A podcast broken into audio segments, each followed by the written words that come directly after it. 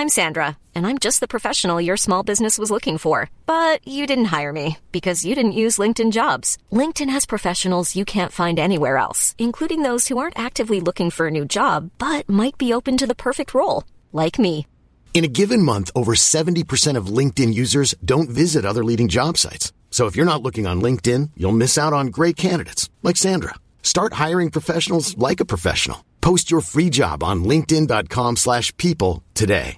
Cool fact a crocodile can't stick out its tongue. Also, you can get health insurance for a month or just under a year in some states. United Healthcare short term insurance plans, underwritten by Golden Rule Insurance Company, offer flexible, budget friendly coverage for you. Learn more at uh1.com.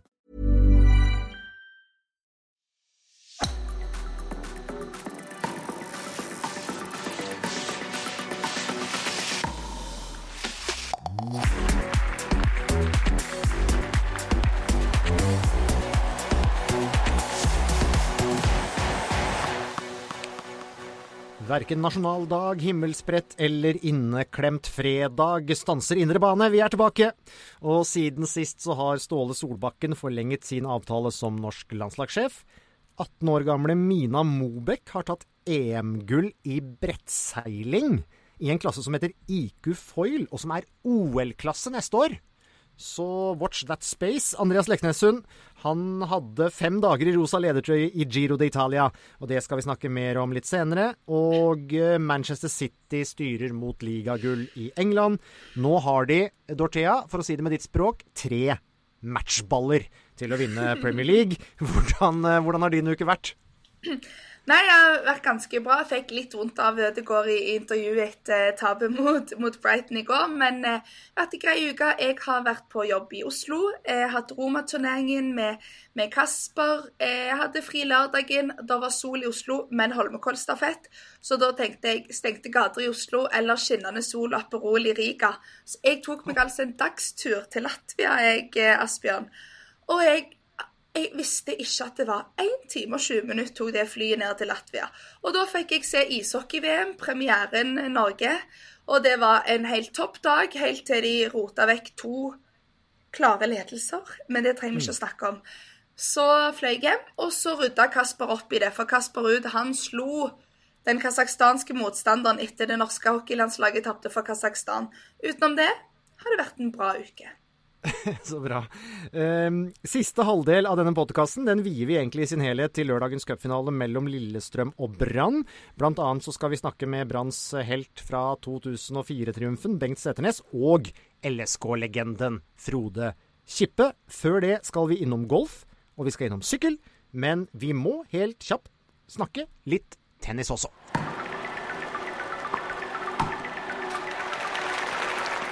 For etter noen skuffende turneringer så har turneringen i Roma til nå vært en eh, opptur for Kasper Ruud, vår mann. Og eh, rett før vi gikk i studio nå, så eh, tok han seg videre til kvartfinale etter å ha slått Laslo Gere relativt greit, Dorthea. Det betyr at det blir kamp på 17. mai på grusen i Roma for Kasper Ruud. Det er jo litt gøy, da.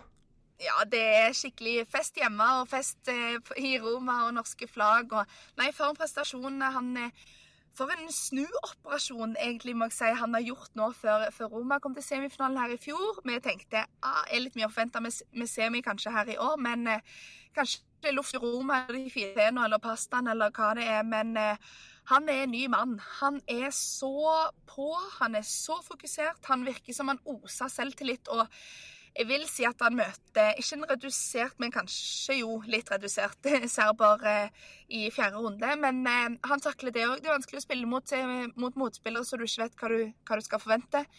Vant en veldig jevn tredjerunde med 7-6 i tredje sett. Det er jo så jevnt det går an å bli. Deilig med en overbevisende kamp i dag. Det sa han i intervjuet etterpå òg. Og så blir det jo skikkelig luksus med festkaramell med kvartfinale på 17. mai. Eh, vi vet ikke akkurat nå hvem som blir motstanderen. Det kan bli hjemmehoppsinner. Det hadde jo vært eh, gøy, det, selv om det selvfølgelig blir, eh, blir tøft. Men ja, mulighet for at, vi, at, Kasper kan være med helt inn i, i finalehelga her, eller? Ja, jeg tror det er det han har lyst til. Selvfølgelig, han var der i fjor. Vi snakker jo alltid om disse poengene på denne verdensrankingen som, som lever bare i ett år. Eh, så de poengene han senka som han fikk med på verdensrankingen i fjor Hvis han da ikke kommer til semi, så, så kommer han jo til å miste litt poeng. Det ligger nok litt litt i bakhodet. Og så vil de jo selvfølgelig ha suksess her. Eh, så har det jo vært en liten bombe med vår eh, favoritt som vi har snakket om i podkasten, Carlos Alcaraz, som røyk ut på en skikkelig smell i, i, i går når vi, når, spill, når vi spiller inn dette. Så det gir jo litt ekstra boost til de andre gode gutta å vite at nå er storfavoritten ute. Nå vil vi gå langt. Og så er det jo nærmere French Open for hver uke som går, så det hadde vært eh, veldig snuoperasjon og en bonus om Kasper hadde gått til finalehelga. Men eh, kvartfinale på 17. mai, eventuelt mot Jannik Sinner, eh, er, er som bestilt. Men, men, helt til slutt, altså han vant i Estoril, men grusesongen har vært egentlig utover det en, en skuffelse til nå, fram til Roma. Eh, er det mulig å peke på noe sånn helt konkret? Hva, hva, er det som har snudd? Er det bare mentalt, eller, eller hva er det egentlig som gjør at uh, han presterer helt annerledes nå?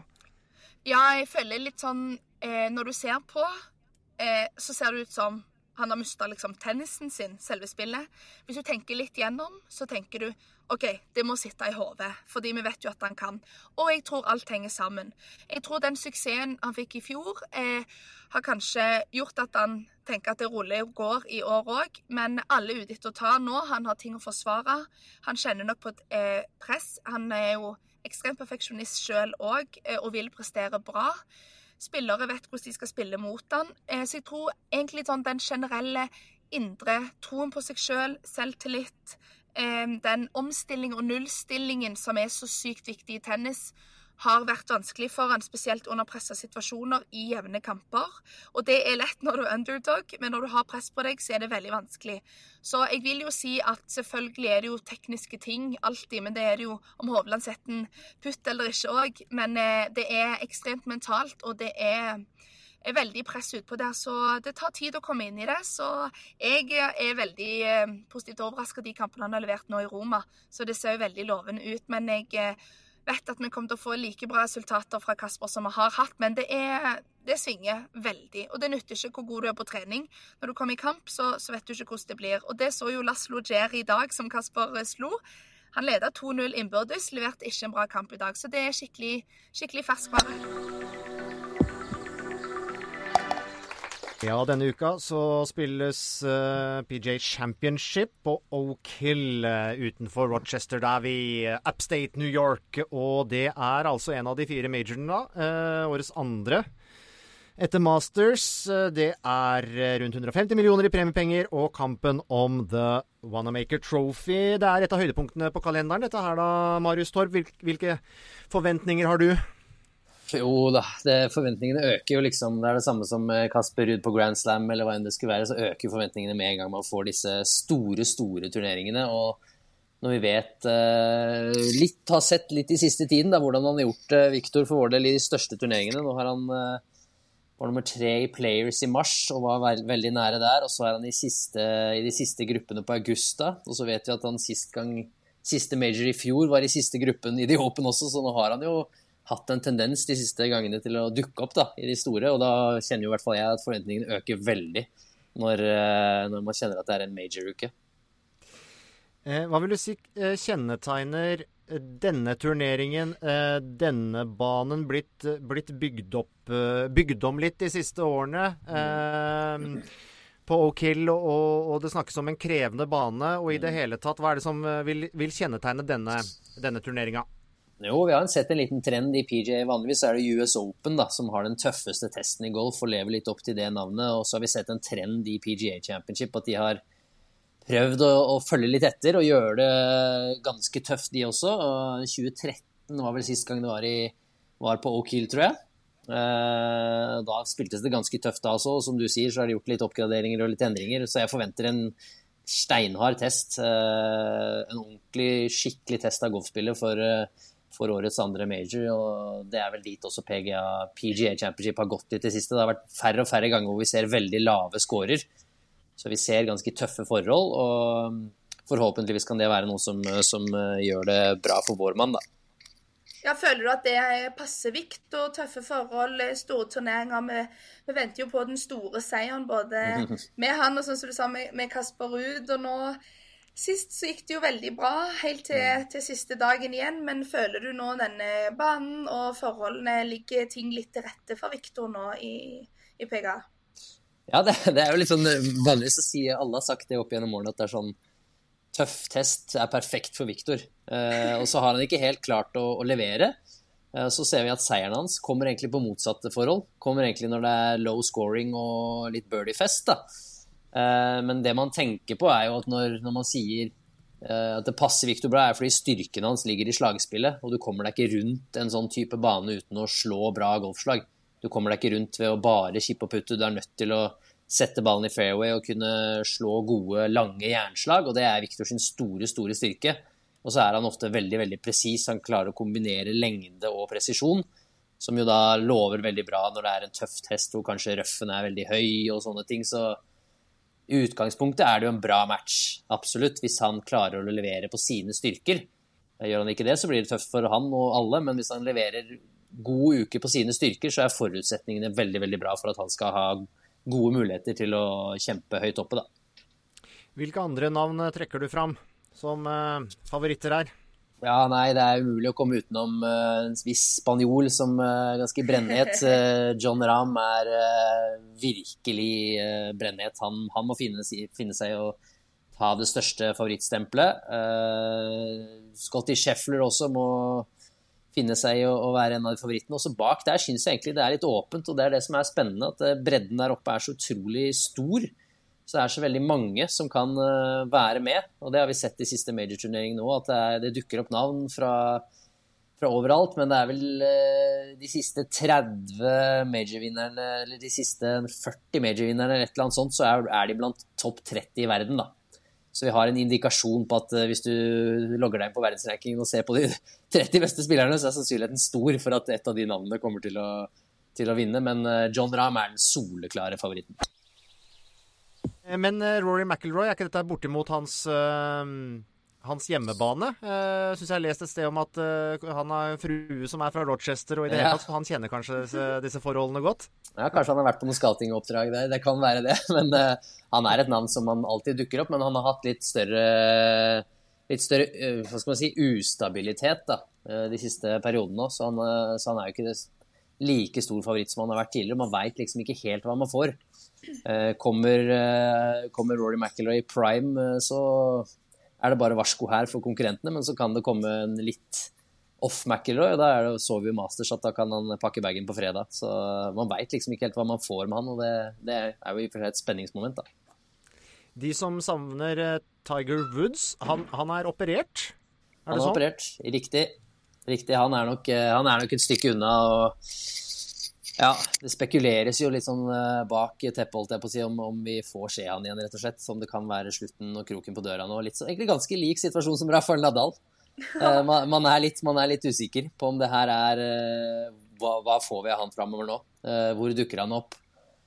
kommer han i det hele tatt til å klare å, å være konkurransedyktig? jeg er nok litt redd for at vi har sett det siste, og det er fryktelig trist. Men uh, vi får håpe han klarer å stable et eller annet på beina og få en skikkelig verdig avslutning, i hvert fall. Men uh, jeg, tror, jeg, tror, det blir tøft for Tiger å gjøre så mye framover nå. Han er, han er, jo Begynner å nærme seg uh, eh, 50 ikke sant? om ikke så altfor lang tid. Så det kommer til å bli veldig tøft for han å konkurrere nå, i hvert fall med sånn sporten utvikler seg. Så dessverre er ikke han med denne, denne gangen, og så får vi se om han klarer å, å stable sammen golfspillet til de neste major-turneringene. Ja, jeg syns eh, Tiger har eh, halta litt godt nå de siste. Svetta ja. veldig mye, så det er nok mye smertestillende og greier. og Fy søren, han har holdt skikkelig ut. Så nå kommer jo snart eh, mini-Tiger Woods. Han er jo helt rå, lille sønn. Så kult med et generasjonsskifte, syns jeg, da, som, som golffan. Ja da, det trengs jo det, og man vet jo Det er noe man vet at kommer, men man nekter å på en måte ta Godta Hva skal man si? Godta det, ja. I hvert fall um, den generasjonen jeg kommer fra, og litt Victor Rory-generasjonen, som har idolisert Tiger opp gjennom alle årene, så er det sånn at man nekter å gi litt slipp på tanken på at han skal komme tilbake. Og så har han vist at han kan komme tilbake så mange ganger. Så lever i håpet, og så er jo liksom golfen sånn at sånn golfmessig så, så, er han jo der. Han klarer å slå slagene og sette puttene, men det fysiske er bare så langt unna etter den bilkrasjen. og han ser jo ikke bra ut når han går rundt på en golfbane, rett og slett. Det ser vondt ut fra start til slutt, så ja, det, er ikke, ja, det er ikke deilig å se på. ass. Eh, helt til slutt, Marius, har du, har du sjekka værmeldinga, eller er ikke dette her eh, sånn at uh, det, upstate New York det kan egentlig det kan være ganske guffent det selv, selv, i mai, kan det ikke det? Jo, det kan bli veldig, veldig interessant. jeg har ikke sjekka det siste, det har jeg ikke gjort. Men, uh, men det kan by på veldig Og det, det, er en faktor som spiller inn definitivt. Hvordan, hvordan, det vil, både for hvordan de kommer til å sette opp banen. Er det fire dager med sol og vindstille, så kommer de til å kunne sette opp banen tøffere. Eh, men kommer det f.eks. litt vind eller regn, så må man tilpasse seg. Så det er en faktor, absolutt. Så, så vet vi at det kan snu så veldig fort og utvikle seg. Men jeg uh, har ikke sett det siste, det har jeg ikke gjort. Men det kommer til å være en faktor. Det er det nesten hver eneste sånn major-turnering.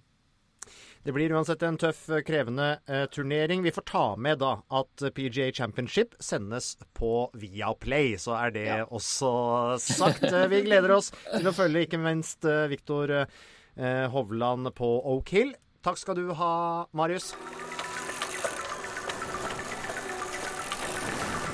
Ja, Dorthea, vi snakka jo om i forrige uke at uh, vi svevde på en rosa sky. Uh, og den skya den holdt det kanskje i flere dager enn det vi hadde turt å håpe på for Andreas Leknessund.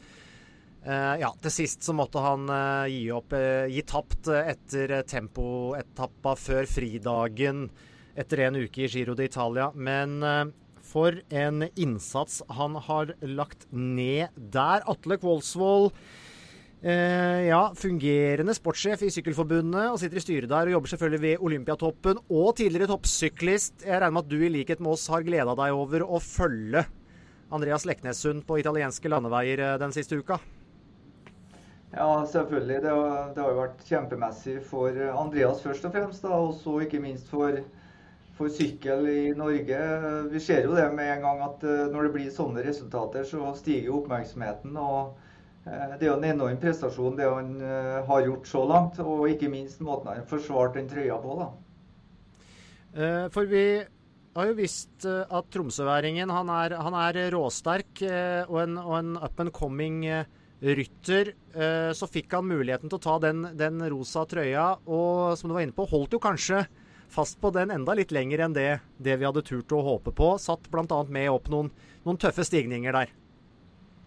Ja da, han, eh, Det er noe med når du, når du får på deg ledertrøya, så henter du fram noen krefter som du kanskje ikke trodde du hadde. Også Andreas er jo han er veldig offensiv i hodet, så han tør jo å prøve. Eh, det så vi jo bl.a. på dagen før tempo, når Roglic eh, støta i bakken der, så, så, så, var han jo faktisk med ganske lenge. Så Han forsvarte utrolig bra. Laget har kjørt veldig godt. Og det er klart, han, han vokser jo enormt på, på, å prestere på den måten her. Får jo en, en eh, mye større autoritet i, i, feltet, ikke minst. Så jeg må vel si at Andreas har jo hatt store resultat fra før òg, men at dette var hans absolutte gjennombrudd, det, det må vi jo si.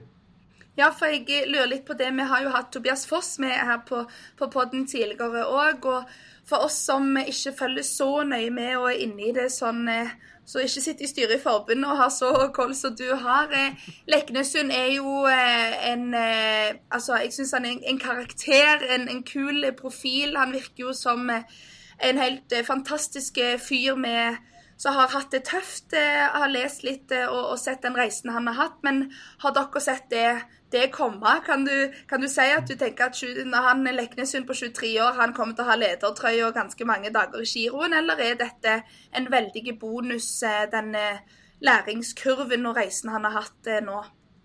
Han viste jo ganske, han starta jo å sykle forholdsvis sent, men visste jo allerede junioralder og ikke minst i U23 at han hadde et voldsomt potensial. Eh, og på tempo, men òg på, på fellesstart og i veldig tungt terreng. Så Eh, vi har vel egentlig sittet og venta litt på at han skal slå igjennom ordentlig. Han viste seg jo fram i Tour de France i fjor og var jo faktisk med og, og, og kjørte fra sin egen, uh, egen kaptein så i fjellene der. Og satt jo faktisk òg med langt uh, opp i fjellene sammen med de beste.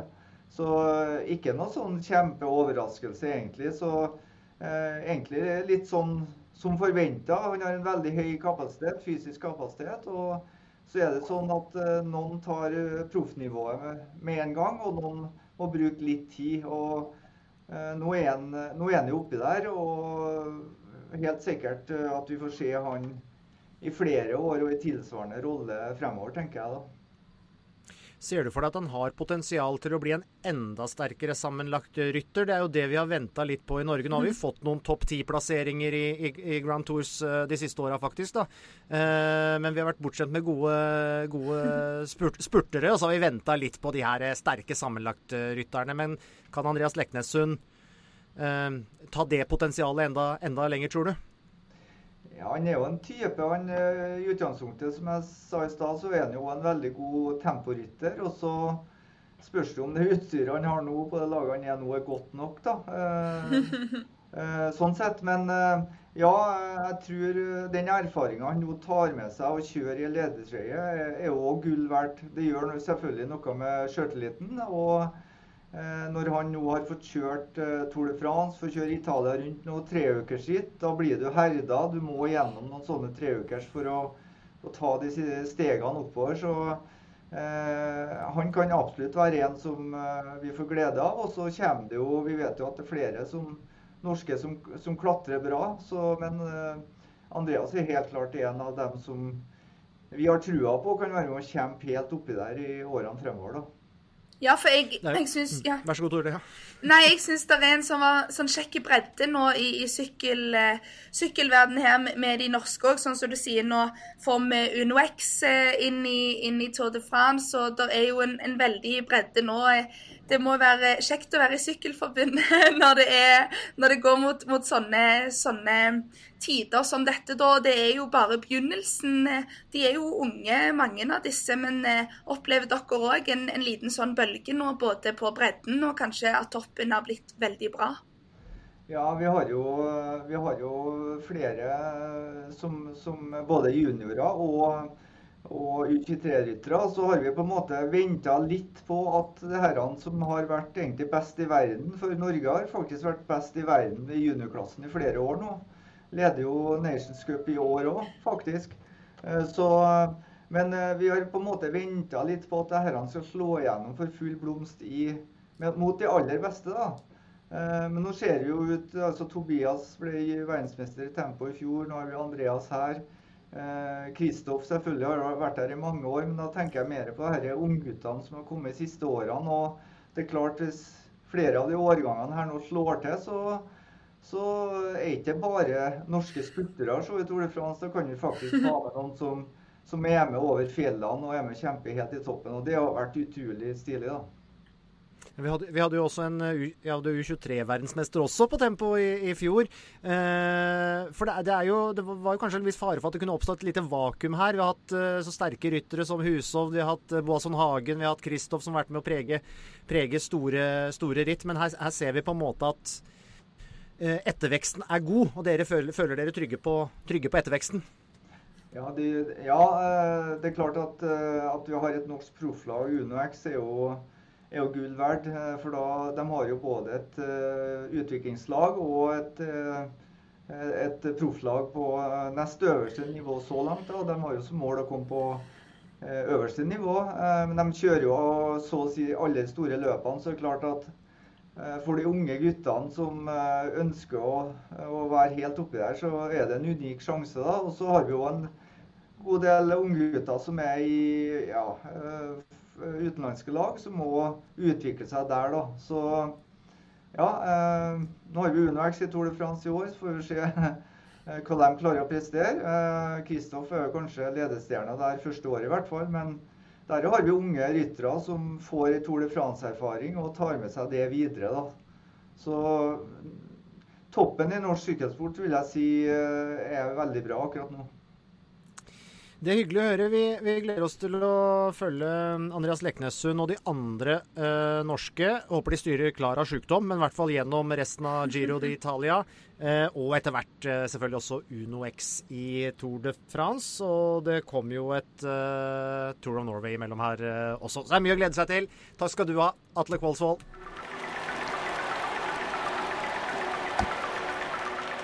Vi har jo tidligere snakket om uh, svømming med hinder og skyting på levende duer. Uh, jeg tenkte at det er, er, jo litt brutale leker sånn i skolegården på 17. mai.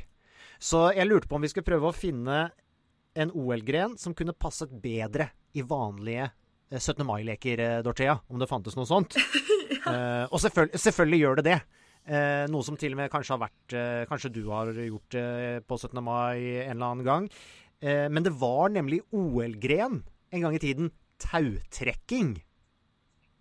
Åh, oh, jeg trodde du skulle se det der pot potet... Jeg trodde du skulle se det potetløpet nå. Men tautrekking Taut har vært på OL-programmet. Ja. Fra 1900 til 1920, faktisk. Men eh, selvfølgelig den gangen, det var ikke rett fram og veldig enkelt med tautrekking heller. Eh, I starten så var det f.eks. vanlig å stille blanda lag. Så i 1900 så var det et svensk-dansk lag som vant uh, gull. Det var også vanlig å stille flere lag. Så i 1904 så vant USA alle medaljene. For de stilte da fire lag i tautrekkingkonkurransen. I 1908, da var OL i London, da vant Storbritannia alle medaljene. For da stilte de flere lag. Og alle de Storbritannia sine lag den gangen, det var ulike politilag. Så det var store, sterke gutter, ikke sant? Eh, det ble litt bråk rundt fottøyet til laget fra Liverpool-politiet. For de hadde da tatt på seg utrolig store, tunge sko. Det er jo en kjempefordel i tautrekking. Det var nesten umulig å rikke dem.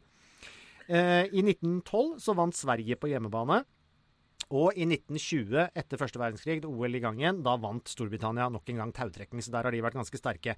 En fun fact om det svensk-danske laget som vant OL i Paris i 1900 det var en journalist som het Edgar Aaby, en dansk sportsjournalist. Han var der egentlig for å dekke OL, men så fikk de en skade på tautrekkingslaget eh, rett før den avgjørende kampen. Og da henta de altså inn han sportsjournalisten som var der for å dekke OL. Og han endte med å få OL i tautrekking. Det skal sies at han eh, tidligere var dansk mester i svømming, blant annet, så han var jo sikkert godt trent. Men kunne du tenkt deg det, Dorthea? OL igjen i Paris neste år. Plutselig så blir du henta inn på et dobbeltlag eller et eller annet, ikke sant? Og bare cruiser inn til OL-medalje. Det hadde Altså, det hadde virkelig vært noe. Nå skjønner jeg at du vil jobbe OL. Har, eh, nå tror jeg du har avslørt det. er min eneste mulighet altså min eneste mulighet for et, en, en OL-medalje er jo at jeg liksom blir nappa inn som en reserve der på et eller annet uh, obskurt lag sånn i siste liten, tenker jeg. Men jeg mener jo at den tautrekking, det har jo blitt inn igjen. Fordi hvis du går og ser på CrossFit-gymsentrene eh, og på CrossFit Games, så står jo de i 90 grader og drar disse gigantiske tauene med noen vekter på. Mm. Så det er jo mm. skikkelig back to basics. Og tautrekking, det er skikkelig hipt nå òg, det. Det ble tatt av da, eh, OL-programmet etter 1920 sammen med 33 andre øvelser. Så hadde det begynt, begynt å vokse litt voldsomt, i OL-programmet. Eh, men det du sier, er altså at egentlig tautrekking mm, Kanskje en, en, øvelse i idrett som uh, kan ha en framtid som olympisk øvelse. Jeg tror tautrekking eh, har en lysere framtid enn å skyte på levende duer, i hvert fall. Hey, I'm Ryan Reynolds. Recently, I asked Mint Mobile's legal team if big wireless companies are allowed to raise prices due to inflation. They said yes. And then when I asked if raising prices technically violates those onerous two-year contracts, they said, "What the f*** are you talking about? You insane Hollywood ass." So to recap, we're cutting the price of Mint Unlimited from $30 a month to just $15 a month. Give it a try at mintmobile.com slash switch. $45 up front for three months plus taxes and fees. Promo for new customers for limited time. Unlimited more than 40 gigabytes per month. Slows. Full terms at mintmobile.com. I'm Sandra, and I'm just the professional your small business was looking for. But you didn't hire me because you didn't use LinkedIn jobs. LinkedIn has professionals you can't find anywhere else, including those who aren't actively looking for a new job, but might be open to the perfect role, like me. In a given month, over 70% of LinkedIn users don't visit other leading job sites. So if you're not looking on LinkedIn, you'll miss out on great candidates like Sandra. Start hiring professionals like a professional. Post your free job on linkedin.com/people today.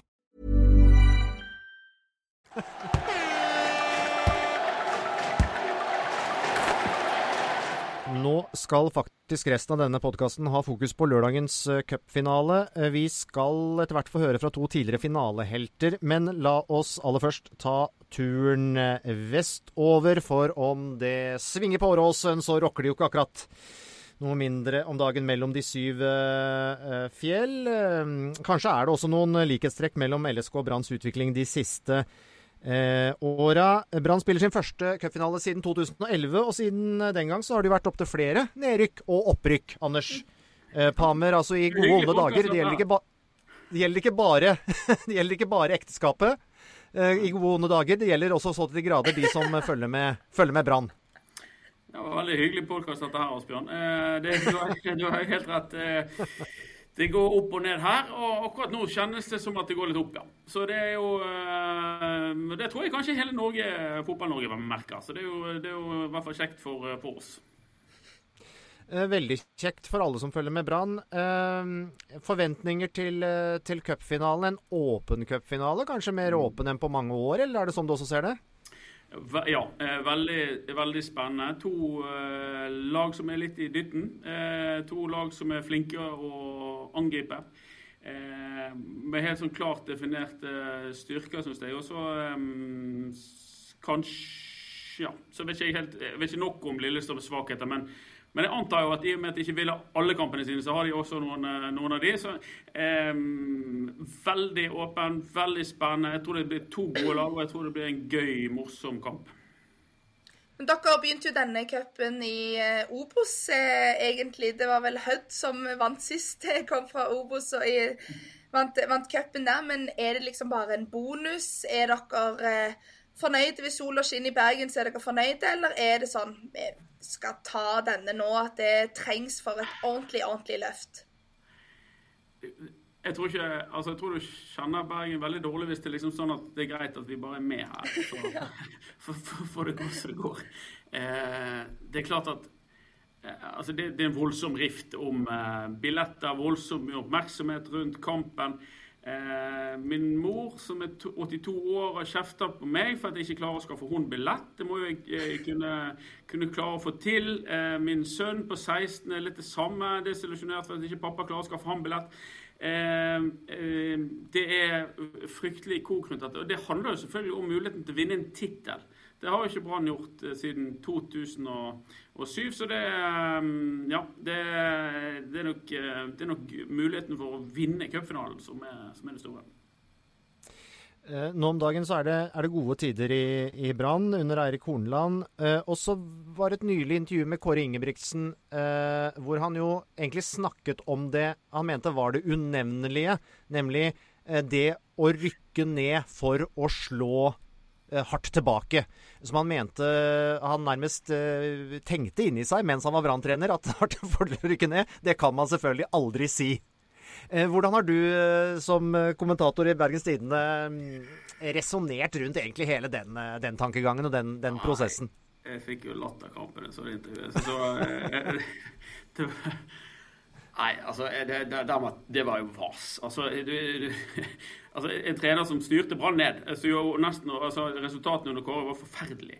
Eh, og Hadde ikke vært for at Erik Horneland kom inn og, og reddet stumpene, så, så hadde det Brann rykket ned før, eh, før løvet falt på trærne. Så, eh, så det var jo helt, eh, altså, en helt merkelig uttalelse å, komme etter. Kanskje det var like greit. Og jeg hører det går igjen, og kanskje var det like greit at Brann rykket ned og tok seg fart der nede. Men det det handlet om, var at det ga altså Nachspielet Eh, den opprydningen som kom i kjølvannet av det, det påfølgende nedrykket, det var en sånn eh, katarsis, som det heter på gresk, for alle oss som har studert litt medievitenskap. En sånn renselse.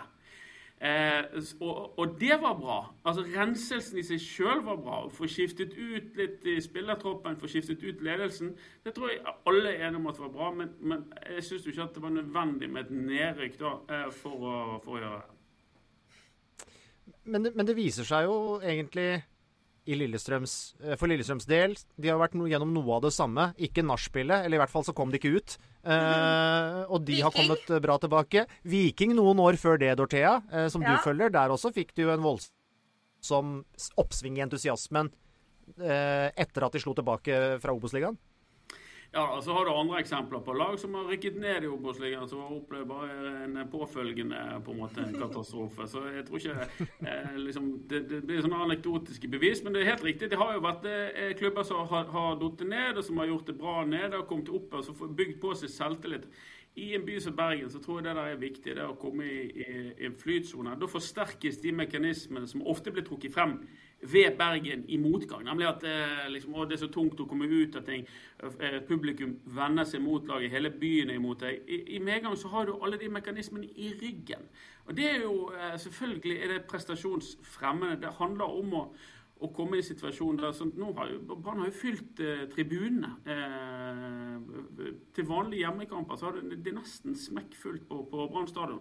Og det, det, det, gir en bosted, det, er jo klart. Det, det, har jo Viking opplevd og, og, og Lillestrøm opplevd. så jeg, jeg, underslår ikke det. Men, men, det er nok ikke selve nedrykket som gjør det, tror jeg. Jeg tror det er mer at det, er svingninger i, i fotball. Og så må Brann lære seg til for én en eneste gangs skyld å skynde seg litt langsomt når de skal bygge. Eh, nå er det snakk om at de skal selge en venstreback i David Wolfe sånn, for 30 millioner. Det er veldig fint for, for Brann, men da må ikke de liksom ah, nå skal vi kjøpe spillere for de 30 millionene. Nå skal vi vinne seriegull. Nå må de, de bygge stille og rolig og få en sunn eh, drift av klubben og, og etablere seg i toppen. For det burde være mulig, syns jeg. Sportslig, da, med, med Eirik Horneland. Eh, vi kjenner han fra Haugesund. Vi kjenner han fra Rosenborg. Det var vel ikke egentlig to steder, to lag, eh, hvor det gnistret av den offensive fotballen under Eirik Horneland. Men det har de jo faktisk gjort i Brann, da. Ja, men altså, Eirik har brukt veldig mye tid på, å, eh, på en sånn kulturell eh, dannelsesvandring i Bergen. Han, og han har Erik Huseklepp som sånn kulturmarkør som han snakker med. For hva er kulturen i Bergen? da? Det er jo ingenting. Vi er jo, bare, vi er jo flinke til å tape på alt mulig. Det regner, og, og vi er litt oppesen alle sammen.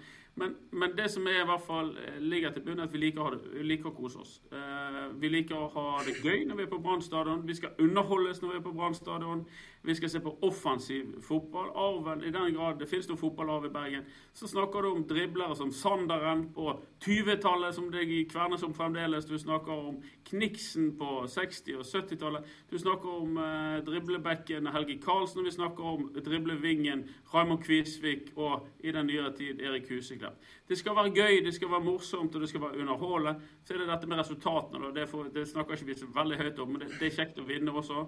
Eh, men denne, det, disse tingene har Eirik Horneland tatt til seg. Og han har designet en litt sånn eh, heavy metal-fotball som, som, passer veldig godt til lynnet vårt.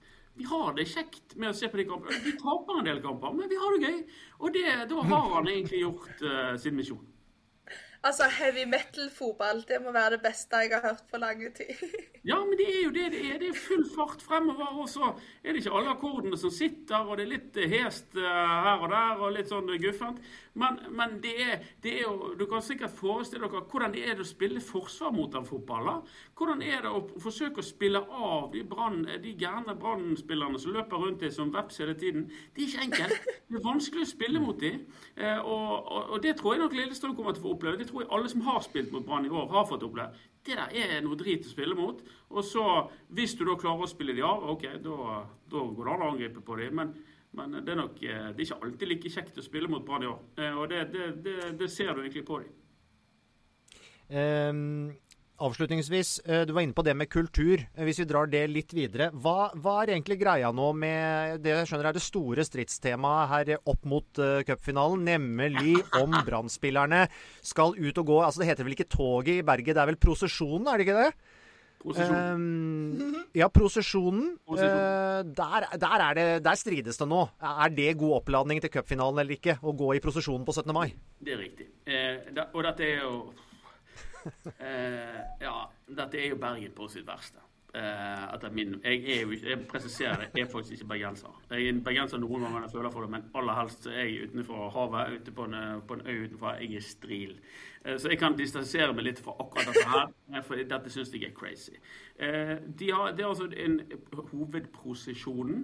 Det er altså et tog etter alle kunstens regler, egentlig, i Bergen som går over Bryggen, gjennom alle disse fine stedene, Fisketoget.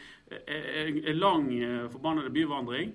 Og dette har altså ledelsen i Brann truet spillerne til å måtte gjennomføre dagen etter 16. mai.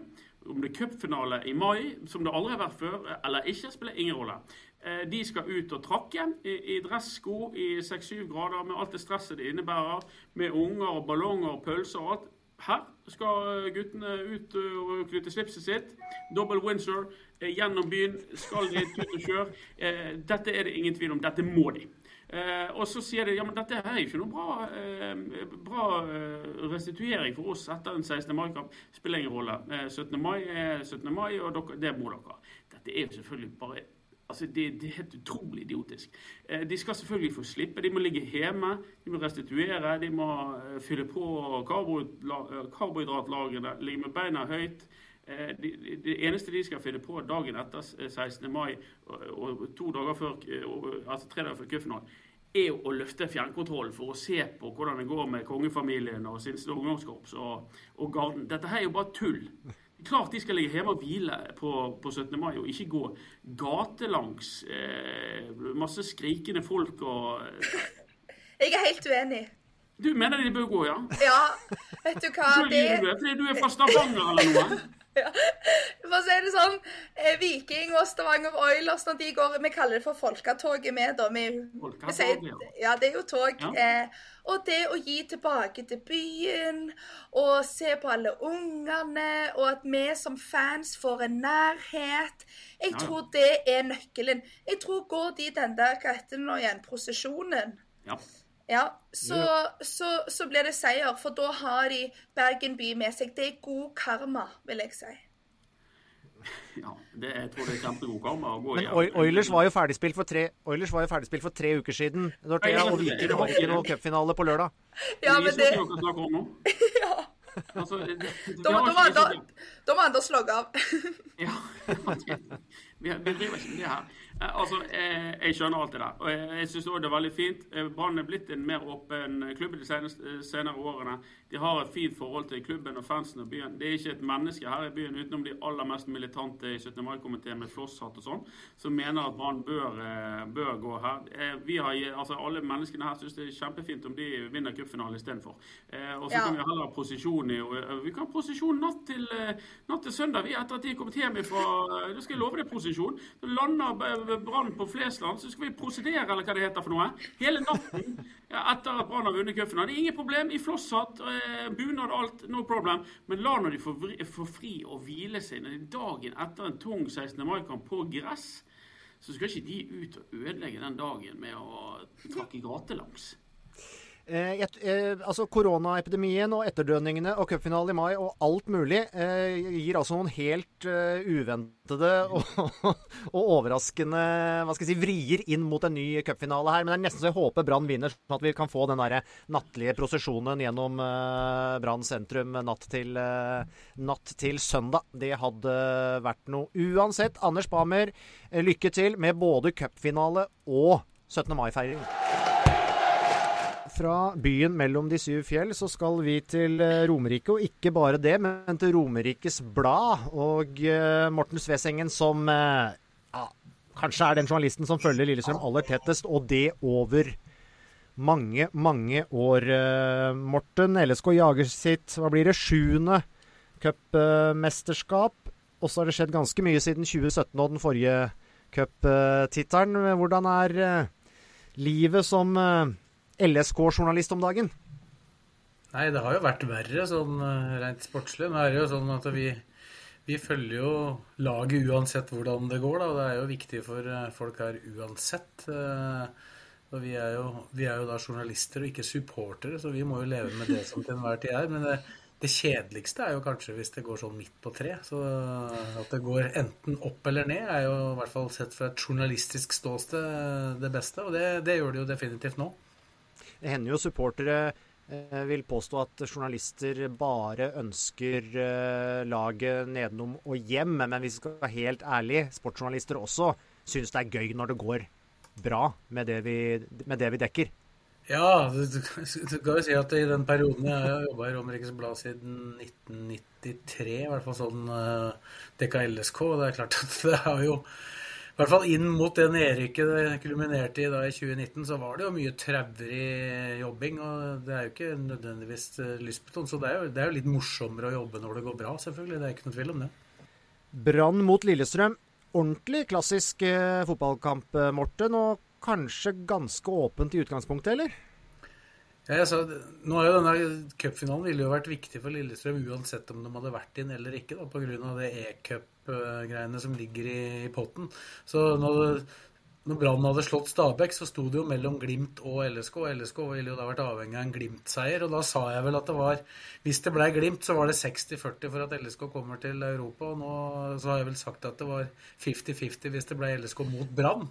Så, sånn sett er jo det litt, litt paradoks at uh, faktisk europasjansen ble litt svekka ved at uh, de slo Bodø-Glimt sånn i utgangspunktet. Men en tittel en tittel må jo henge jo, høyt uansett. Ja, så Det er jo ingen av spillere og trenere som i det hele tatt har tenkt tanken på at Jeg vet det er en del supportere som faktisk tenkte akkurat den tanken der med med Europa der, og at de vil oppleve det. Men det, er jo, det finnes jo ingen i den spillergruppa eller trenerstaben som ikke ønsker å vinne en tittel. Det er selvfølgelig pri én.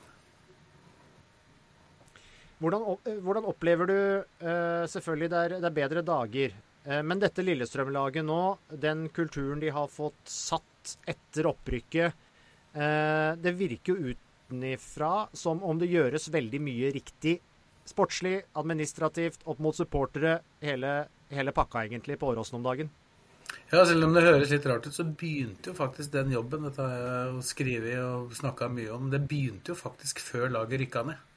Men det begynte ikke tidsnok til å klare å snu. Det, var, det skjedde jo noe etter 2016-sesongen foran 2017, sist de da tok, tok cupgullet, så, så, snudde liksom Men det, det, tar litt tid å snu et svært skip, da. Så det, det, det hjalp dessverre for klubben da ikke for å hindre Erik.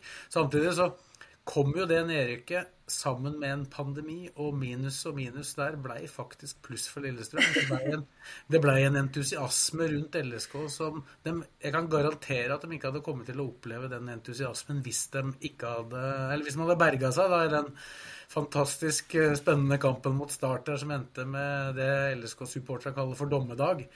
Så den entusiasmen opplevde jeg allerede dagen etter etter eh, nedrykket, faktisk. At det var, eh, var helt enormt eh, hvilken engasjement det var for å få laget tilbake. Og det engasjementet klarte de da å holde gjennom en pandemi. De permitterte ingen, klarte å få jobbe, rykka opp igjen. Og etter det så har det liksom bare pekt én vei, da. Ja, for vi har, vi har spurt litt eh, Vi spør egentlig litt i alle cupfinalegjestene våre som kommer her denne uken. Eh, både Viking, mitt kjære Viking, Brann og Lillestrøm har jo litt sånn samme greiene med det nedrykket, også den vanvittige oppturen og cupfinalen. Og så er det jo litt blanda da på at eh, noen mener at eh, det nedrykket har vært eh, nødvendig, og noen mener at det hadde ikke trengt det nedrykket. Det er ikke det som har gjort at det snur, men du mener da at det, det nedrykket har liksom eh, fått litt eh, ekstra spark både i, i, supporterne og kanskje i klubben på at nå skal vi, skal vi liksom snu litt og gjøre litt ting annerledes og endre litt eh, kanskje mentalitet eh, som har gjort at de nå er i en cupfinale? Ja, altså, For LSK sin del så tror jeg det var helt avgjørende. For den var jo den lengstlevende klubben da, på toppnivå. og det var jo det som på en måte var LSKs tittel. De sang 'Vi rykker aldri ned', og så utvida de det med tallet for hvert år. Så var jo oppe på 45 år da, til slutt. Og det var jo liksom trofeet til Lillestrøm og trøsten hvert eneste år de ble nummer 10 eller 11 eller 12. Og akkurat berga seg. ikke sant? Så, så det, jeg tror det var helt avgjørende sånn sett. Og ikke minst pga. det engasjementet og den pandemien som kom. da, for det, det hadde vært helt dødt, tror jeg, hvis de akkurat hadde berga seg i den kvalikkampen og så ikke klart å komme da Og så ble jo det også Det som var viktige, var at de klarte også å snu økonomien, da.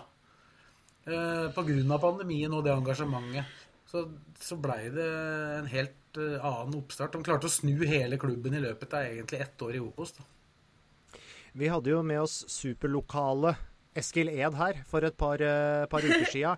Han snakka bl.a. om eh, viktigheten av å få inn Gjermund Aasen, Pål André Helland etter opprykket. De kom med en, eh, en innstilling til trening og arbeidshverdagen og var med på en måte å dreie kulturen i veldig riktig retning og endre på ganske mye av hvordan ting ble gjort i, i Lillestrøm. Er det din, eh, din oppfatning òg? Definitivt. Og det var jo den klar planen med fra Ja, først og fremst kanskje styrt ved sportssjef eh, Sveimen Mesfin, da.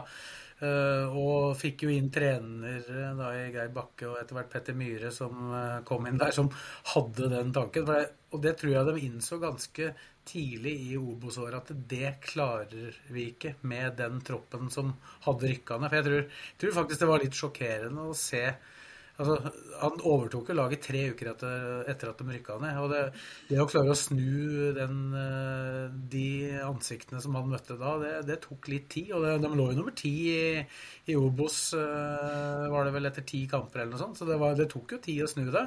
Og så måtte de få inn da noen som kunne løfte dette. For det var jo veldig mange unge lovende, sånn som Eskil Ed f.eks., Mats Hedenstad Christiansen. At de fikk inn noen som faktisk veit og visste hva dette dreier seg om. For de unge var lovende, men de kunne ikke gjøre det aleine. Og det, der har jo Gjermund Aasen og Selv om ikke Pål André Helland spilte så mye, så betydde han veldig mye i garderoben og for å bygge den kulturen. Og han er jo fortsatt i klubben som juniortrener, og det tror jeg er veldig bra for de unge gutta også. Eh, og på lørdag da på Ullevål, eh, Morten, hva tror du? Altså Lillestrøm Eh, de har jo utvikla seg eh, som lag og utvikla seg sportslig. Eh, fortsatt eh, ganske sterke på, dø på dødball, eh, som på en måte er en sånn merkelapp som alltid hengte ved Lillestrøm. Eh, Brann også ganske forrykende under Eirik Horneland nå. Hva slags, hva slags cupfinale tror du dette kan bli? Ja, for det første så tror jeg det kommer til det har jeg skrevet, og jeg tror det kommer til å bli tidenes cupfinale på tribunen. Fordi at uh, hvis, du, hvis, du, tar historien, da, så tror jeg jeg måtte tilbake Hvis du tar de store klubba som har de største og beste supporterne, så må du tilbake til 1999, når Rosenborg møtte Brann, mener jeg, for å finne en, en, tilsvarende finale hvor begge lag tilhører den kategorien. Da. Og I den kategorien så, så regner jeg inn Rosenborg, Brann, Vålerenga og Lillestrøm. Og til dels Viking, da, ta med i og med at de har heva seg veldig. For å kunne få den for å kunne få den rammen Og Bodø-Glimt har jo også blitt ganske bra i det siste, da. Men for å få den rammen, så er det da to lag nå med fantastiske supportergrupperinger. Så jeg tror på tribunen kommer det aldri til å ha vært bedre enn det er. På banen så så jo Brann fryktinngytende ut fra februar og fram til kanskje de siste par ukene. Da har de sett veldig gode ut. Og et av de aller beste laga faktisk herja jo tidvis med Bodø-Glimt òg.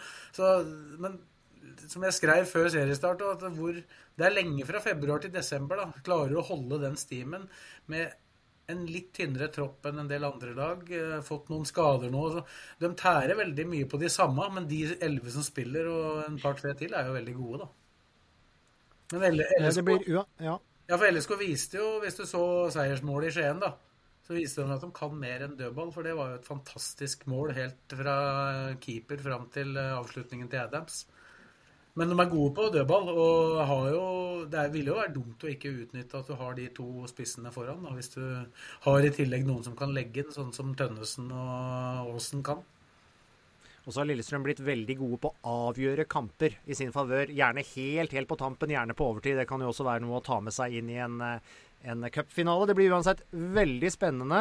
Eh, vi ønsker alle som følger Lillestrøm, lykke til med cupfinalen. Eh, og så ønsker vi deg god 17. mai, eh, Morten.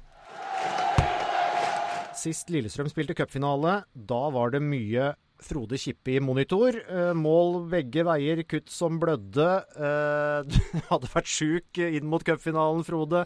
Og i det hele tatt, eh, så helt til Alexander Melgalvis stjal litt fokus på festen etterpå, så handla den dagen mye om, om Frode Kippe. Hva, hva husker du fra 2017-finalen mot Sarpsborg?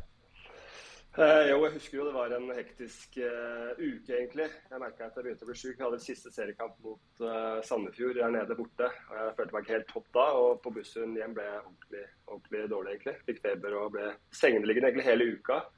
Kom meg vel egentlig ikke på beina igjen før uh, så vidt dagen før cupfinalen på lørdag. Så fikk jeg vel en liten, liten økt. Så um, fikk putta i meg det jeg kunne av tabletter og følte meg så, så godt jeg kunne, eller så bra jeg kunne før kampen. og og for så vidt kampen gikk greit. Jeg var litt, litt sliten og, og litt prega, men det, det kobla jeg fort ut. Når du, når du kommer på Ullevål og merker den stemninga som er der, så, er den, så, så trumfer det det meste. Og så fikk du jo uh, vi får si the game winning goal. Uh, og, fått, og få feire på Ullevål foran Kanarifansen. Uh, få den triumfen. Du hadde jo en, en cupfinale fra tidligere selvfølgelig også, litt tidligere i karrieren. Men det der må jo stå igjen nå også som et, et virkelig høydepunkt. Ja, det ble jo det. Jeg har jo på en måte hatt en lang karriere sånn sett i fotballen, men at den høydepunktet skulle komme så seint, var vel ikke helt forberedt på. Så det var en spesiell dag. det var det. Hele dagen var fantastisk, egentlig. Det at vi hadde greid å komme oss til cupfinale, var jo utrolig svært. Vi slo vel Molde borte i semien, som egentlig var mot alle odds. litt det samme som kanskje vi gjorde mot, mot Bodø nå, i semien. og vi opplever cupen igjen. da. Vi hadde jo en seier i 2007. Det begynte å bli mange år siden. Så det var, var deilig å komme dit igjen og få på en måte avslutta en, en lang karriere da, på, med cupen. Og så ble det jo som det blei. som du sa, jeg skårte begge veier. Det var ikke like gøy å å skåre det første sjølmålet. Men, eh, men eh, det avgjørende målet var viktig, og det har jo bredd seg fast og blitt måte, det, det sterkeste fotballminnet jeg har i, i, min karriere. Da. Så har det blitt. Så har det skjedd mye eh, med Lillestrøm sportsklubb siden den gang. Vært nede i Obos-ligaen, kommet opp igjen, bygd seg opp igjen. Voldsom trøkk og engasjement rundt klubben nå. Hvordan har du ja, først som spiller, nå inn i trenerteamet. Hvordan har du egentlig opplevd det som har skjedd med klubben de siste åra? Eh, nei, Det har vært en helomvending. Merka det etter nedrykket. Eh, Starta litt på scratch igjen. Eh, ny trener inn. Stor utskifting av spillere. Ned i Obos-ligaen. Prøve å endre litt filosofi. Prøve å sette et eget spill. Prøve å bli et mer stabilt lag. Så det har vært en fantastisk jobb som har gjort da egentlig hele klubben etter, etter nedrykket. Selv om det da også tok litt tid før vi klarte å, å snu det. Ikke i hvert fall halve Obos-ligaen før egentlig vi begynte å få litt fart på det. Og etter det har det egentlig bare gått én vei. Vi har, vi klarte å komme oss opp første året og tatt steg hele veien i Eliteserien de åra etter. Så det, har vært, det var moro å se. Jeg føler vi har fått et fundament der og vi har fått en trygghet i klubben som måtte ikke ha vært der på mange år. da, Både økonomisk og, og spillemessig. Så så ser vi ut som et eh, solid fotballag igjen og stabilt bra. Du har, du har en god følelse når du har gått inn i de siste to sesongene at det her, er, det kommer til å bli bra. For vi føler vi har en, en trygghet i laget. Og ikke minst at eget Både Petter og Geir har vært flinke til at vi skaper et eget, eget spill. og vi kan, vi kan vinne på selv litt dårlige dager. og Det, det følte jeg kanskje ikke vi kunne de siste åra Eh, mens jeg var med, da var det ofte innsats og tær som skulle til. og Så hadde vi ikke det der, så, så røyk vi og tapte kamper. og Det ble sånn redningsaksjoner mange ganger år etter år. Eh, vi klarte det jo lenge, men til slutt så gikk det feil vei. og da, da måtte vi ned. og Da tror jeg alle så litt ja, fikk, sett, ja, fikk starte litt på nytt igjen. og Det tror jeg var bra for klubben. og det, Eller det ser vi har vært bra for klubben, og vi har kommet til et sted eh, vi er i dag som vi ikke jeg kan huske vi har hatt så lenge jeg har vært i Lillestrøm. Både med tanke på økonomi og trygghet og spillemessig og trenere. Det ser veldig fint ut. Da. Så det har vært en morsom eh, reise å være med på. Selv om ikke jeg har fått spille fotball, så har jeg vært en del av trenerteamet og fått, fått kjenne litt på det. Ja, du sa det. Det er jo både en annerledes cupfinale for, for, klubben og for deg som var trener nå i, i, trenerteamet. Og du føler at klubben er altså på en helt annen plass nå enn sist eh, Lillestrøm var i en, en cupfinale. og det med at de rykte ned, Vi har snakket litt om det, med både med, med Viking som gikk ned, og med Brann som har vært nede. Du, det, det, er liksom litt nøkkelen til at eh, dere har kommet der dere har kommet, den lille rerouten som, som var nede i Obos? Ja, det har det. Uh, vi har kommet ned, og det er klart nedrykk er alltid, tøff, alltid tøft, det. Uh, men så må du på en måte bare restarte det litt igjen. Uh, se hvor står vi per dags dato. Så er vi OS klubb og bygger det litt sakte, men sikkert derfra. vi skjønte at så skal vi rykke opp, så er vi nødt til å utvikle spillet vårt. Vi er nødt til å få et grunnspill som er solid, som er trygt og vi kan, vi vet, kan spille ut lag på. Uh, så fikk vi litt sånn der, eh, jeg tror vi fikk et lite, sånn, lite sjokk når vi kom ned i Obos og møtte Obos-lag som spilte på en litt helt annen måte enn det var vant til fra Eliteserien. Det var kanskje litt før, før tida si. Nå har jo Eliteserien blitt litt mer som Obos kanskje var i, i det året vi var nede. Mer spillende. Folk, folk spiller på større risiko, tør å spille ut bakfra. Det, det var ikke så ofte vi gjorde det i Eliteserien på den tida der. Eh, det ble vi litt vant til i Obos-ligaen. Eh, måtte jobbe masse med grunnspillet vårt. Bli trygge med ball, kunne styre kamper, føre kamper tok litt tid før vi klarte det. Jeg merka særlig høstsesongen i Obos. Da følte jeg at vi hadde et godt grunnspill og vi var gode spillere som klarte å, å bikke alle kampene vår vei, selv om det kunne være jevne. Så sto vi, sto vi løpet bra ut. og vi, Selv på dårlige dager så vi, måtte, var vi gode nok til å vinne kamper. og det tok litt med oss inn i Eliteserien og kom opp også. Vi turte å spille fotball. Vi skulle fortsette det vi hadde starta på. Uh, var offensive og trygge. og føler vi ja, Det går med trygghet da, i, i, de kampene når vi, når vi, kommer opp også. For jeg har sett at det lykkes. Og så har vi egentlig bare bygd litt videre på det. og Vi har jo blitt en helt annen fotballklubb spillemessig nå enn det vi var for, uh, for fem-ti år siden. Hvor det var mer, mer kjøttspill og mer lange baller og fysikk og andre baller. og Mer trøkk i spillet vårt på den måten. Mens nå er det kamper hvor vi kan ha store deler av possession-spillet i, i, de matchene vi spiller. og så er vi Samtidig som vi har vært solide defensivt, som har vært en veldig nøkkel for oss. Vi har jo endra med å gå over til fem eller tre bak, tre stoppere bak. og Det har vi stort sett aldri hatt i de 20 årene jeg har vært i Lillestrøm. og det er, en, det er en trygghet og det er noe vi har fått til bra og noe alle er komfortable med. Og så har vi ikke minst fått inn spillere i posisjoner som, som uh, passer bra i de rollene de skal ha. Uh, og lojale spillere og sultne spillere. Vært flink på, på, å hente riktig type spillere. Det også har vært en nøkkel da, for at vi har kommet dit vi er i dag. Og Hvordan tror du da dere vil stå til Brann, eller Brann til dere, eh, på lørdag? Uh, det blir jo en åpen kamp. Jeg ser at Vi er kanskje ikke favoritter, men jeg tror det er litt sånn 50-50. Uh, jeg føler jo, jeg har jo sett Brann. Uh, intensiteten de kommer med.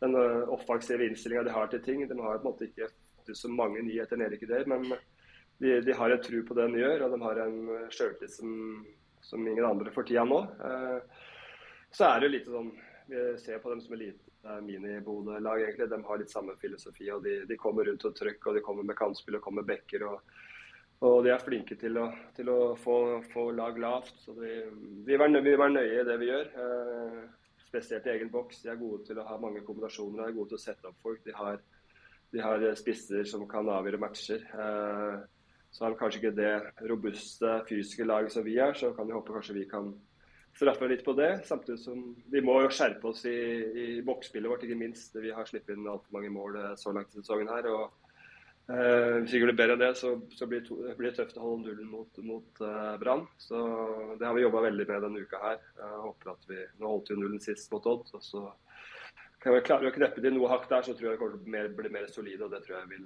gagne oss i, i den matchen. Men veldig åpen, åpen kamp. og Vi møter jo et bra lag.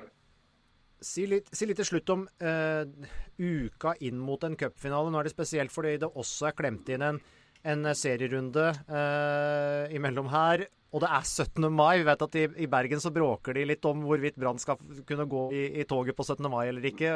Selv om de skal ligge og restituere. Eh, så det er et stridstema der. Men, men det, det, hele anledningen, det at det er en cupfinale på Ullevål, at det mobiliseres som det gjør med supportere man skal gjerne møte opp på eller annen, eh, et eller annet vorspiel eh, dagen før der med spillerne, hilse på fansen. Altså det, det, er veldig mye som skjer, veldig mye fokus. Hvordan jobber dere for, å, for at spillerne skal være på, på, rett sted, både fysisk, men også mentalt inn mot en sånn, sånn match? Vi har prøvd ikke å snakke for mye om det eh, etter semifinalen. Eh, selvfølgelig det er naturlig, det er ting som skal ordnes. Det er billetter, det er eh, hvordan blir dagen og det biten her. Så det er noen ting som man må ta, men prøvd ikke ha noe mer fokus på cupfinalen enn det vi har måttet ha. Altså på en måte tatt de kampene som har kommet nå, eller kommer nå før den. Eh, så godt, vi, så godt, vi, kan. Men så merker vi at vi er en spillergruppe hvor som er det er en ung spillergruppe som ikke har vært med på de anledningene tidligere. Det er eh, mange som er utrolig spente, nysgjerrige på hvordan cupfinaledagen blir, hvordan ting blir. Så du merker at det er mange som lurer på ting og er nysgjerrige på ting. Eh, så den tror den sitter uansett i bakhuet.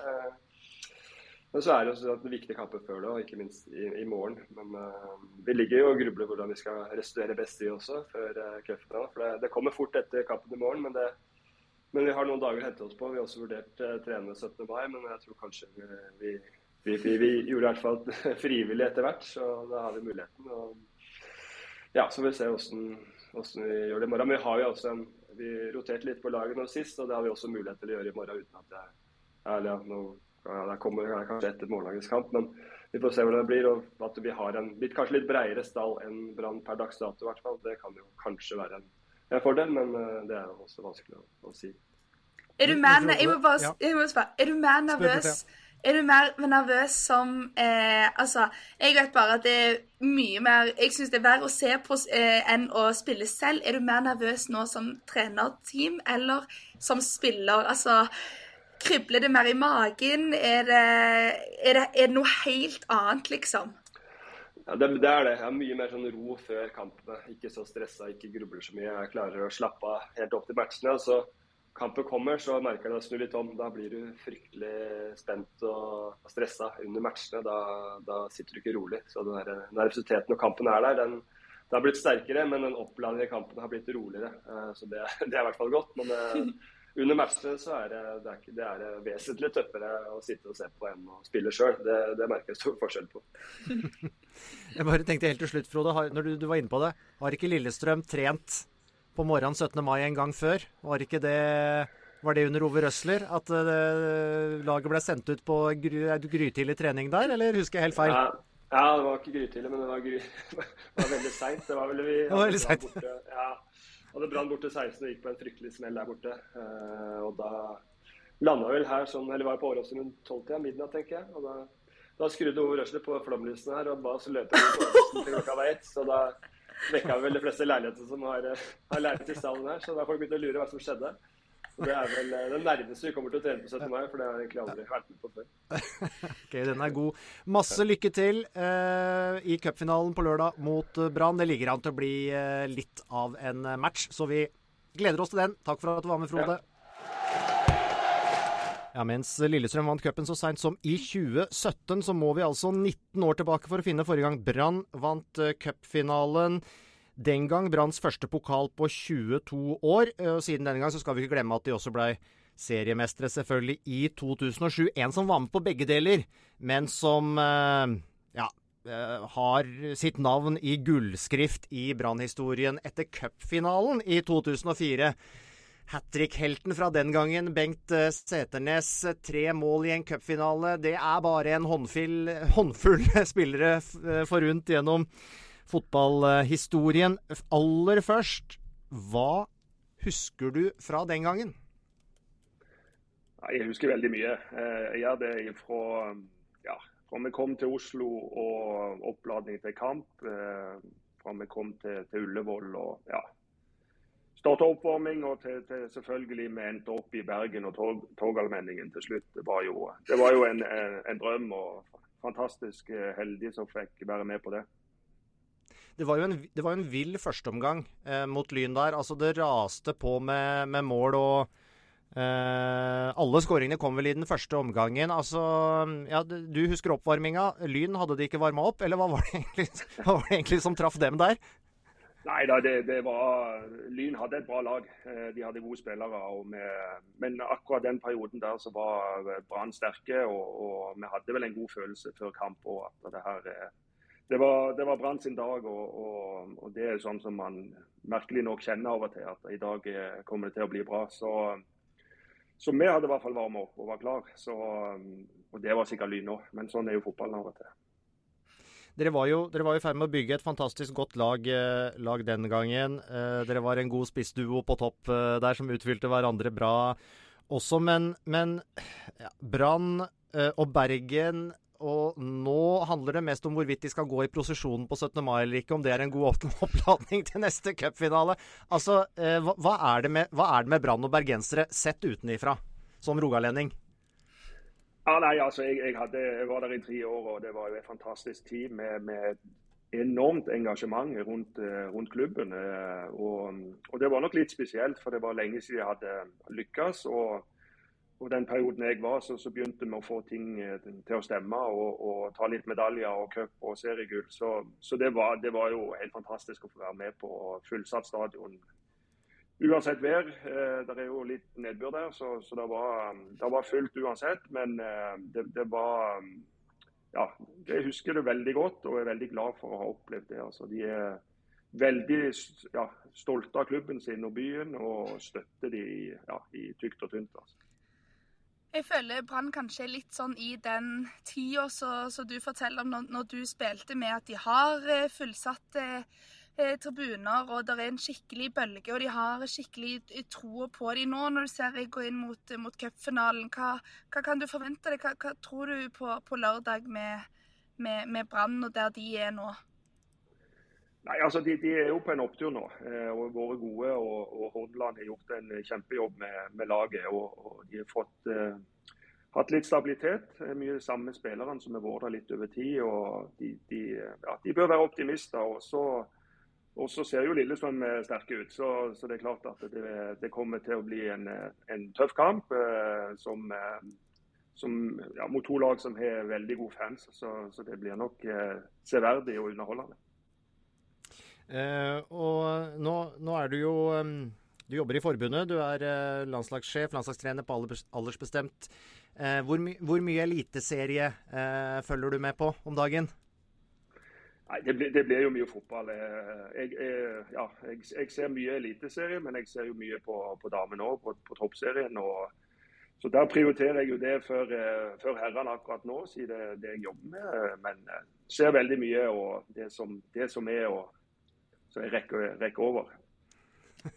hva, tror du, hva, tror du, om finalen da, sånn sett? Altså Brann og Lillestrøm. Det, det framstår kanskje som en ganske åpen cupfinale i år, på, på, papir i hvert fall? Ja, det, det, det, virker veldig åpent. Det er det. Jeg, de, har, de har sine, sine, styrker, begge lagene. og Jeg tror nok at de er litt eh, bekymra for det spissparet til, til LSK som, som, har vært sterk. Og, men eh, så har gjerne Brann vært hakket bedre som lag. Så det er helt åpent sånn jeg ser det. Eh, du har jo spilt både i, i Gjort det bra og vært lenge i Bodø og i Brann. Og så bor du jo nå i Stavanger og er jo rogalending. så hvis du ikke vil svare, så går det greit. Men eh, hvilken klubb ligger nærmest hjertet ditt? Er det Brann eller er det Viking?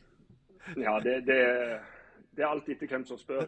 Eh, så, litt, og nå er det litt mange som hører på. Så jeg, jeg, jeg veldig fornøyd med alle plassene jeg har vært. Det, det, var en sånn berikelse å reise rundt og være i mange miljøer og sånn. Så til ulik tid så, så, er jeg i grunnen veldig fornøyd med alle klubbene jeg har vært i. Så litt kjedelig svar, men jeg tror jeg, jeg, tror jeg går for det. Du kjører safe, eh, Bengt. ja. ja, det. Og, og så, uh, Du fikk jo med deg et cupmesterskap uh, til også noen år etterpå med, med Vålerenga, men da var du, vel, var du vel ikke på banen i, i finalen. Uh, veldig ulike opplevelser, eller, eh, eller hva vil du si om det? Ja, det, det var ganske likt, bortsett fra at jeg ikke spilte og fikk uh, skåra. Så, så, var jo det kjipt. Men, uh, men altså, det, det, er jo to store klubber med masse engasjement. og Jeg var jo delaktig i de andre kampene. Så, så ja, når, når, dagen var, var over, så, så, fikk jeg kost meg med det, med det gullet der òg. Så, det, ja, så det, var, det var gøy, det. Fornøyd med trenerlivet, eh, eller savner du, savner du å være spiller? Nei, jeg, jeg, er veldig fornøyd med, med, det å være trener. og det, ble det er det nest beste når, når kroppen ikke vil mer. Så, så, så, blir det det. og ja, Nå er det så mange år siden at nå, begynner, nå er det en sjelden gang jeg kjenner at jeg har lyst til å spille. Men eh, det, det slår inn av og til hvis det er fin gressbane med, med litt dugg i, så, så kjenner jeg det av og til gressmatte på, på lørdag og to, to, gresslag som barker sammen. Så det blir helt sikkert en fantastisk ramme på Ullevål. Eh, tusen takk for at du var med oss, Bengt. Så får vi se om det kan dukke opp noen, noen nye hat trick-helter i, eh, i løpet av lørdagens cupfinale. Håper det. det. Det er det som er gøy. Helt til slutt, Dorthea, har du et ukas navn til oss? Ja, jeg har tenkt mye på det. Jeg eh, er det lov til å ta en liten streak, Asbjørn, så jeg tar Leknessund for to uker på rad her, altså? Jeg syns han fortjener det. Jeg syns han fortjente ukas navn eh, i siste uke. Vi fikk den rosa trøya. Han holdt den mye lenger enn vi trodde i, i siste ukes eh, pod. Og nei, for et Giro d'Italia det allerede har vært for han, og, og, for en opptur. Så det at han klarte å holde den rosa trøya så lenge som han gjorde, det fortjener at han får eh, fortsette streaken som ukas navn. Så det blir altså Andreas Leknessund. Supert. Håper du som hører på også får en fin 17. mai, og kanskje også en fin langhelg. Vi er tilbake neste uke. Da blir det sikkert litt Premier League-prat, i tillegg til de faste postene. Følg oss på Instagram eh, Indre bane. Eh, gratulerer med dagen, Norge. Ha det hyggelig, Dorthea. I like måte, Asbjørn. Snakkes.